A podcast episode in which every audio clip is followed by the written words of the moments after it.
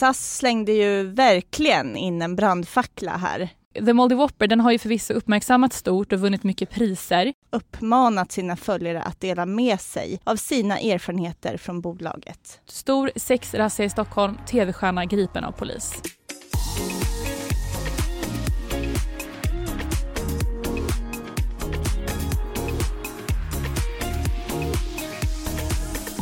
Vilket äh, jäkla år va, Jasmin? Och nu har vi sista podden för i år. Hur, hur känns det? Ja, men det känns både bra och eh, dåligt. Corona mm. har ju legat som en blöt filt över hela det här året. Vi vet att alla där ute är väldigt trötta på corona, men vi uppmanar ändå er att fortsätta lyssna, för vi tror ändå att det här kommer bli kul och intressant även om corona ja, är överhängande här. Det här är Insiktspoddens årskrönika. Som sagt, vi vill ju lämna det här skitåret bakom oss men det har ju faktiskt hänt en hel del saker under året som inte har direkt med corona att göra också. Och det Exakt. kommer ju vi prata om eh, här idag. Jag heter Jasmine Winberg. Och jag heter Amanda Törner och du lyssnar ju då som sagt på Insiktspodden. Och Amanda, kan inte du börja berätta om hur det var för oss på Resumé när corona bröt ut där i mars? Ja, det glömmer man inte i första taget. Jag minns att eh, vi skulle gå på fest. Det känns som en annan en, ett annat liv. Eh, nej men det var i alla fall att du och jag och vår kollega Linnea på Dagens Media, vi skulle gå på RIA-galan den veckan. Och vi var ju väldigt eh, taggade på det som vanligt när det vankas eh, branschfest. Men sen så gick jag hem dagen innan, det var på en onsdag minns jag, jag kände mig krasslig. Och RIA-galan skulle vara dagen efter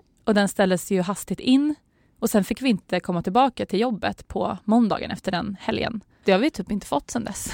Nej, och det är ganska intressant att de här branschfesterna som, som var väl, verkligen i överflöd för alla som jobbar inom den här branschen ändå har, man saknar dem. Alltså verkligen. Det gör man verkligen. Alltså ja. man tog så mycket för givet. Alltså jag bara verkligen. längtar efter att gå på ett mingel. Alltså, verkligen. Alltså inte för att jag är verkligen inte någon superminglare men, nej, men liksom bara få vara i ett rum med massa människor och typ trängas lite och så här, stöta in i någon och du vet den där grejen. Mm. Det har man ju inte gjort nu. Nej. Men sen dess liksom. Guldägget mm. träffade ju, då träffades vi på Resumé utomhus ja. hos en kollega på hennes takterrass. Och det är ju en av de mest minnesvärda egentligen sakerna som har hänt med redaktionen det senaste året. Det, var, det är ett varmt minne. Ja men faktiskt. Och det var i maj och då kunde vi vara utomhus och sådär och det, det har inte varit lika mycket läge för det nu under hösten. Men vi hoppas på fler eh, sånt 2021. Eh, som sagt man längtar sjukt mycket efter att slippa umgås digitalt. Men ja, ja, det här har det ju pratats eh, väldigt mycket om. Nu tycker jag vi börjar med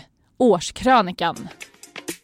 Årets syftesdrivna i början på året så släppte SAS sin reklamfilm What is truly Scandinavian framtagen av den danska NOA-byrån NCO. Den gick ut på att berätta att alla dessa traditioner som vi tror är svenska, som midsommar, som köttbullar och föräldraledighet, inte alls är svenska utan kommer från andra delar av världen. Och det tog inte många sekunder innan SAS möttes av en kritikstorm och kritiker här menade ju att det var väldigt kränkande mot skandinavisk kultur. SAS de hävdade att stormen var orkestrerad och reklambyrån NCO blev bombhotad.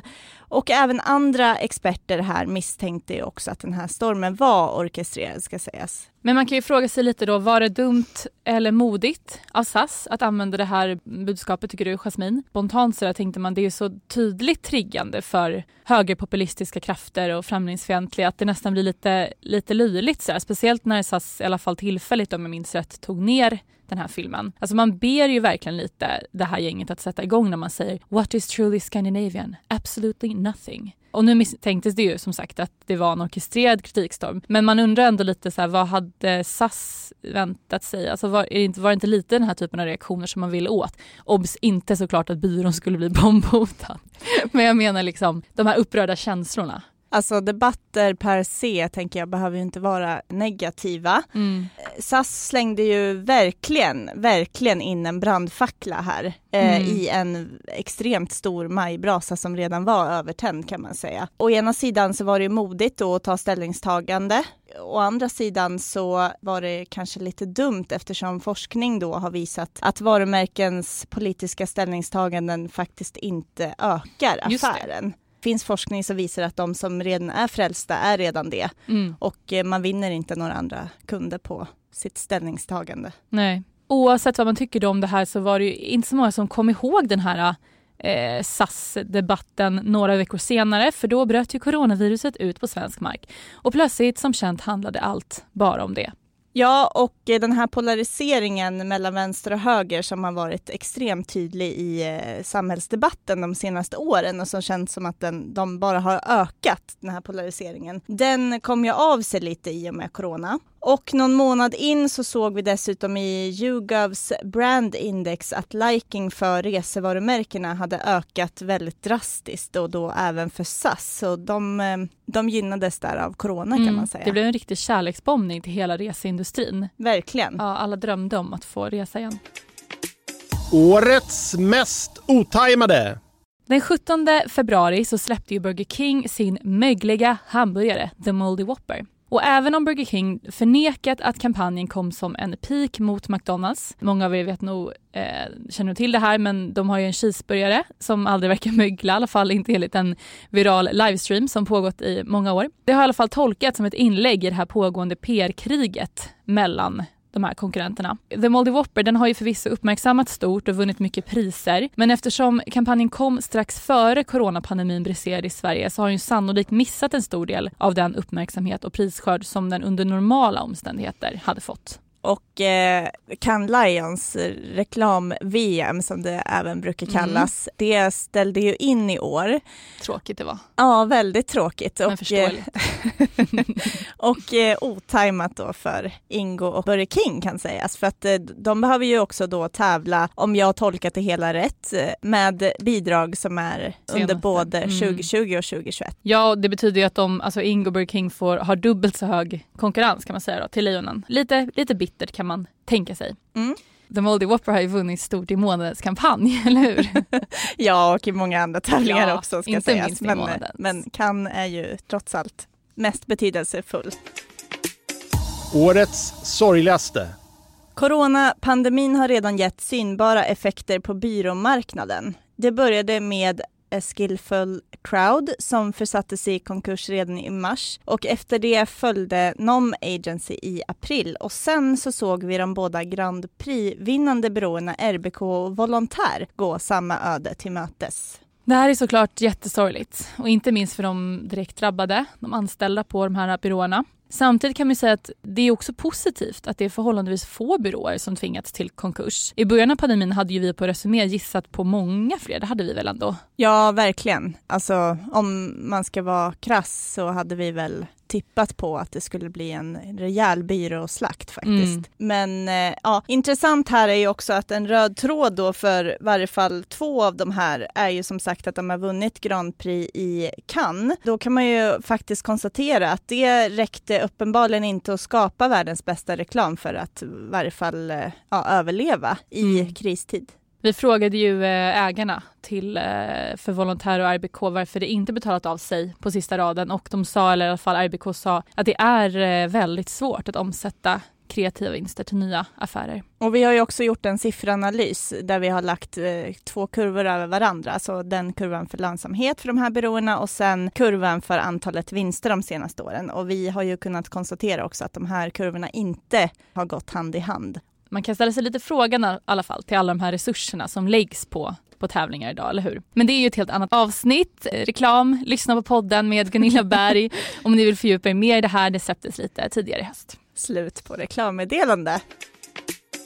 Årets snabbaste Tidigt på morgonen den 15 maj publicerade boxaren och tv-profilen Paolo Roberto ett inlägg på Instagram där det framgick att han hade gjort någonting riktigt illa. Han kallade sig själv bland annat för en parasit som ska utrotas. Några timmar senare på förmiddagen kom nyheten ut. Stor sexrazzia i Stockholm, tv-stjärna gripen av polis. Några timmar senare gick Paolo Roberto själv ut och sa att han var den tv-kändis som gripits.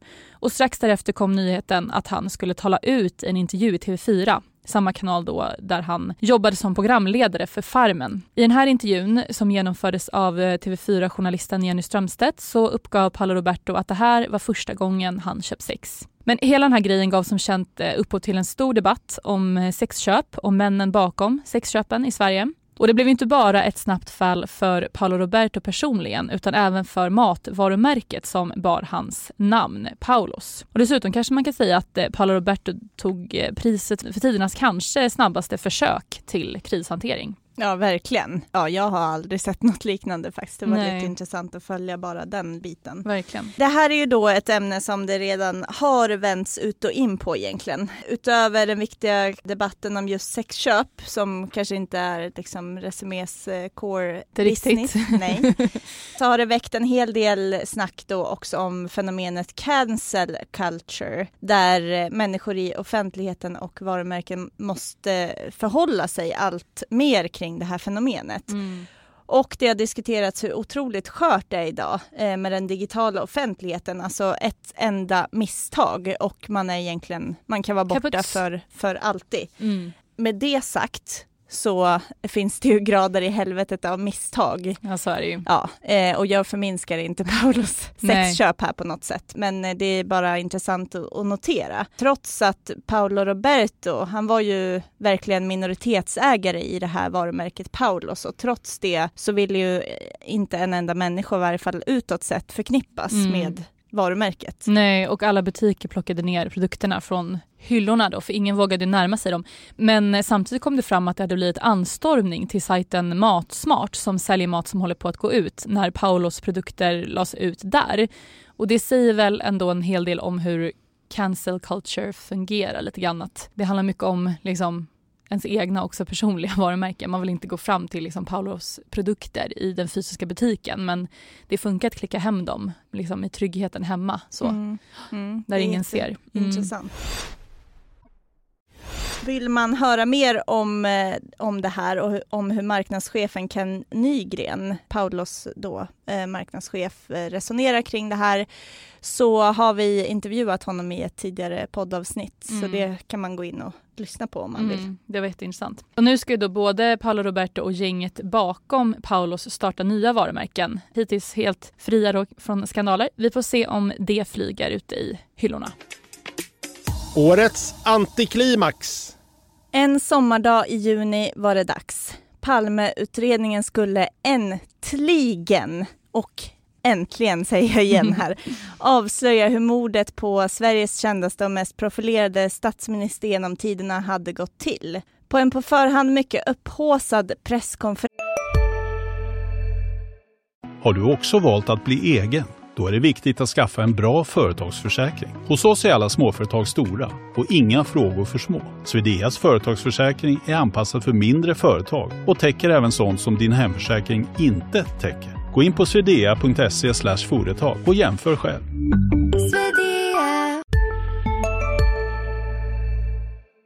presenterades lösningen genom en powerpoint som såg ut att komma från 90-talet. Och efter tidernas längsta introduktion med oerhört mycket statistik som alla ifrågasatte relevansen i, kom svaret. Det var nästan exakt som tidningen Filter berättat om två år tidigare. Stig Engström, Skandiamannen, var mördaren. Eller det gick i alla fall inte att komma runt honom som chefsåklagare Christer Petersson uttryckte det. Så här i efterhand hade det naturligtvis varit roligare om han inte förknippades med företaget, sa Skandias presschef Pontus Haag när vi på Resumé intervjuade honom efter konferensen. Men det var inte aktuellt med ett namnbyte för banken i alla fall, sa han också. Vi kan konstatera att det var lite roligare innan än efter presskonferensen. Alltså vi är alla glada över att Palmeutredningen har fått sin upplösning, men spänningen som fanns innan var ja, lite härligare i varje fall.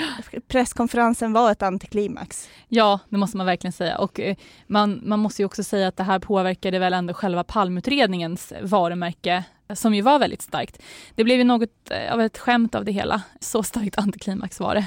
Vi kan också säga att de byråer som känner sig manade här har ju faktiskt ett ypperligt tillfälle att proaktivt höra av sig till Åklagarmyndigheten och erbjuda sina tjänster. Ja, de verkar ju behöva hjälp sett till den här powerpointen. Årets återkommande. Ständigt detta Oatly. I samband med en investeringsrunda i somras där Oprah Winfrey och Natalie Portman deltog uppmärksammades det att Oatly också tog in en kontroversiell delägare i form av det amerikanska investmentbolaget Blackstone. I september så eskalerade kritiken då om det här. Blackstone blev ju då i somras 10 i delägare i bolaget. Men Blackstone pekas bland annat ut för att skövla regnskog i Amazonas och det här skär sig ju en hel del med Oatlys starka profilering på hållbarhetsområdet. Förutom stark kritik i internationella medier eh, ledde det här även till en bojkott på europeiska kaffebarer. Bojkotten fanns även bland eh, kaféer i Skåne där ju Oatly har sin, eh, sitt hem eh, och även i Storbritannien, Tyskland och Finland bland annat. Oatly har ju verkligen en talang för att skapa sig rubriker med allt möjligt faktiskt. Eller hur? Mm. Eller så är det bara vi på Resumé som går på deras, deras rubrik bait. En återkommande trend är ju också att bolag som profilerar sig som hållbara faktiskt hamnar i strålkastarljuset för att de tvärt kanske inte alls visar sig vara så hållbara. Och det här mm. tycker jag i varje fall börjar bli ganska tröttsamt. Eller vad säger du Amanda? Jag tycker också det är, det är tröttsamt. Det känns som en liksom ständig diskussion. Men man måste väl samtidigt ge Oatly beröm för att de har ändå ett väldigt starkt engagemang i att hålla i den här hållbarhetskommunikationen och hållbarhetspositionen över tid. De är ganska ensamma om det i Sverige. Vi kollade ju till exempel på hur väl guldäggsvinnare har hållit i sina syftesdrivna koncept och sina syften för ett tag sedan och kunde ju konstatera att många hade ju släppt det här fokuset så fort eh, guldäggsljuset slocknat. Årets skampåle under året som gått har SME kastat ljus på de bolag som på ett eller annat sätt antingen utnyttjar gratis arbetskraft eller själva utnyttjats i exempelvis pitchförfarande. Och intressant nog har vi varje gång vi har skrivit om till exempel praktikanter som ersätter arbetskraft, idéer som stulits eller dålig arbetsmiljö fått flera nya tips från uppgivna läsare. För att konkretisera så har både Estrid, NordDB och Selecta då hamnat under lupp under året. Det här är tre exempel på bolag som har gjort det. Och en annan stor grej har varit byråer och marknadsavdelningar som har fuskat med korttidspermitteringen. En mer färsk händelse var praktikantupproret på Naked som anklagats för att utnyttja och mobba praktikanter och anställda. Och det här uppdagades då efter att influensen Rodja Pasuki uppmanat sina följare att dela med sig av sina erfarenheter från bolaget. Intressant i sammanhanget är att rakhyvelsföretaget Estrid, som då på kort tid uppmärksammats både för idéstöld från arbetssökande och plagiat av det amerikanska varumärket Billy, värderats till en miljard. Och det här har skett på mindre tid än för både Klarna och Spotify. Inte så kul grejer att uppmärksammas för. Nej, men Nej. precis. Men ändå. Då. Vi får ju se hur den här negativa uppmärksamheten påverkar Estrid i längden. En sak vi ofta pratar om är liksom, även om vi som journalister bryr oss om etik och moral och sådana viktiga saker. Det gör vi. Ja. ja. Men bryr sig konsumenter där ute verkligen om det? Ja, det kan man ju verkligen undra. Samtidigt skulle man också kunna tänka sig att just den här målgruppen som Estrid riktar sig till med sin lite sådär pastelliga Instagram-feministiska approach som vill bryta mot normerna för hur det brukar se ut inom det här produktsegmentet faktiskt kanske bryr sig om det här. Mm. Det känns ändå som en rätt värderingsdriven och medveten målgrupp ju. De skulle kunna slå bakut när det kommer fram oegentligheter i den här stilen kan man tänka sig, men det återstår väl att se här. Årets genomslag. Den 2 juni exploderade Instagram av svarta rutor och idag har initiativet Blackout Tuesday genererat eh, typ 21,4 miljoner inlägg på plattformen. Eh, I alla fall enligt min egna lilla sökning. Initiativet det syftar ju då till att stödja Black Lives Matter, en amerikansk organisation som sedan 2013 organiserat protester för att synliggöra våld som riktas mot svarta människor. Den här senaste vågen av Black Lives Matter-protester utlöstes ju då av att en afroamerikansk man vid namn George Floyd dog i samband med ett brutalt polisingripande i Minneapolis den 25 maj i år. Den här händelsen eh, sände ju verkligen chockvågor över världen och um, satte verkligen ljus på det här polisvåldet som riktas mot svarta personer främst i USA. Det hamnade mm, högst upp på agendan. Många varumärken ville vara med och ta ställning och gjorde då det genom att posta den här äh, svarta rutan på Instagram. Ja, och som eh, de flesta värderingsdrivna företag och ställningstaganden som vi redan har pratat lite om så kunde man ju också här ifrågasätta hur väl grundade de här företagen då egentligen är och var i Blackout Tuesday vi gjorde ju Amanda en kartläggning av ett Mm. antal då svenska varumärken som hade postat en svart ruta på Instagram. För vi ville veta hur bra de var på att inkludera mångfald i sin övriga kommunikation och eh, ja, det stod ju ganska snabbt klart faktiskt att det fanns en del att önska här Mm. faktiskt. Verkligen. Ja, vi tittade på 30 varumärken då. Men vi var ju lite skakis inför att göra det jobbet överhuvudtaget. Mångfaldsfrågan är ju verkligen ett minerat område, speciellt när det är två vita personer som vi själva då som ska ta upp den och vi jobbar också på en helvit redaktion. Och det kan ju göra det lite svårare att peka på brister hos andra. Det får man ju vara ärlig med. Mm. Och man vill såklart inte göra fel, man vill inte formulera sig fel. Och till den här artikelserien om varumärken och Blackout Tuesday så gjorde vi bland annat en mejlintervju med mångfaldsnätverket All of Us som ju jobbar väldigt mycket med det här. Och då tyckte de till exempel att det var ju förminska det hela att ens formulera sig i form av jobba med mångfald. Mm, det är svårt att hamna rätt. Vi har ju också en historia av att röra upp känslor på det här området, kan vi ju också berätta faktiskt. För några år sedan då så ville vi ta reda på hur det stod till med mångfalden på Sveriges byråer, alltså bland de som är anställda. Och det här ville vi då göra också på grund av att den här branschen återkommande kritiseras för att vara för homogen. Och många ställer sig frågan då återkommande också. Hur kan outputen någonsin spegla samhället om de som skapar reklamen inte speglar samhället? Vi bad då helt enkelt ett antal byråledare berätta för oss hur många som var av utomnordiskt ursprung och eh, observera här att vi bad om hur många, inte vilka. Men efter det här enkätutskicket då så fick vi sitta i krissamtal med företrädare för diverse olika organisationer och bolag och en av dem vi pratade med minns jag påstod att vi bedrev romregister på Resumé. Det är väldigt eh, starka ord. Ja, det är väldigt starka ord. Det blev aldrig någon artikel. Årets makthavare. Är influencers något mer än bara tjejer och killar som gör lite skönt content framför en kamera? Ja, det här kanske var året då det hände. När influencers faktiskt blev erkända som de makthavare de är. Under början av pandemin såg vi till exempel Finlands regering lista influencers som samhällsviktig yrkesgrupp. Och även FN identifierade dem som viktiga informationsspridare, framför allt till unga och andra målgrupper som de vanligtvis inte når. Vi kan också se att media i varje fall har börjat rapportera om influencers på ett nytt sätt istället för att bara prata om dem i termer av en kändis med snygg outfit på röda mattan så har man i en högre grad i varje fall börjat syna vad de säger, vilken trovärdighet de har och GP har till och med anställt en influencer-reporter. Dock, ska sägas, inte fullt ut utan bara på 50% under tre månader. Men ändå. Mm. Det ska bli intressant att se vad det resulterar i. verkligen. Men alltså att det fanns ett uppdämt behov av att problematisera influencers på den här nivån och prata om dem som det här samhällsfenomenet och de makthavare de faktiskt är, ja inte minst då för den unga publiken. Det visar ju inte minst det här otroligt stora genomslaget för din och kollega Julia Lundins bok Badfluence, Jasmine. ja. Ni har ju suttit i intervjuer i de flesta medier skulle jag vilja säga och inte minst i typ alla Sveriges Radios program. Mm, alla Sveriges Radio. Eller hur? Hur många vändor har det blivit? Alltså jag var mer ett tag på Radiohuset än vad jag var på mitt eget jobb. Ja, det var faktiskt ett helt otroligt intresse. Du kunde knappt jobba där ett tag. Obsi, klaga inte.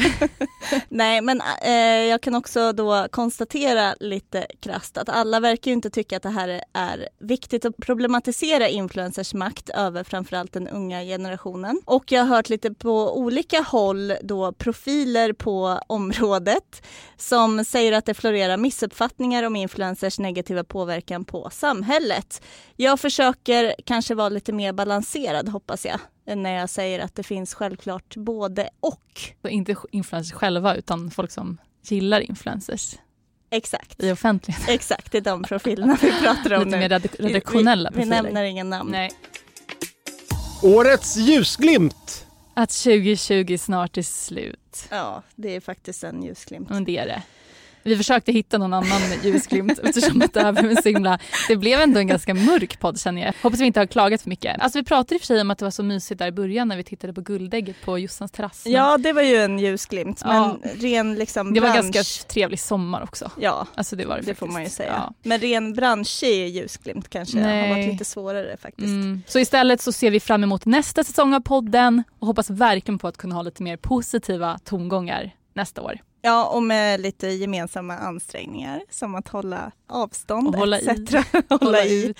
hålla ut och Ja. alla de här klyschorna. Kanske vi kan komma dit. Hoppas verkligen det. God jul och gott nytt år till alla er lyssnare och hoppas vi ses nästa år. Hörs nästa år i varje Hörs fall. nästa år i alla fall. ja. Ja, Sant. hej då! Hej då!